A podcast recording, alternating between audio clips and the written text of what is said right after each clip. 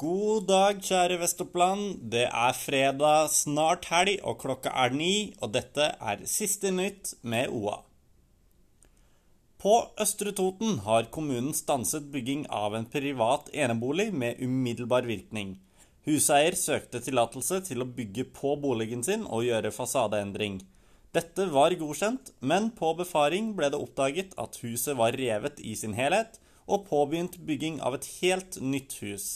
Dette var ikke godkjent, og huseier får overtredelsesgebyr og tvangsmulkt på 25 000 kroner. En campingvogn sto i brann på Lyngstrand camping ved Hov i natt. Politiet meldte om brannen like etter klokka 03. Brannvesenet fikk kontroll på stedet, og det har ikke vært folk i den aktuelle vogna. Årsaken til brannen er så langt ukjent. Pelsdyrnæringen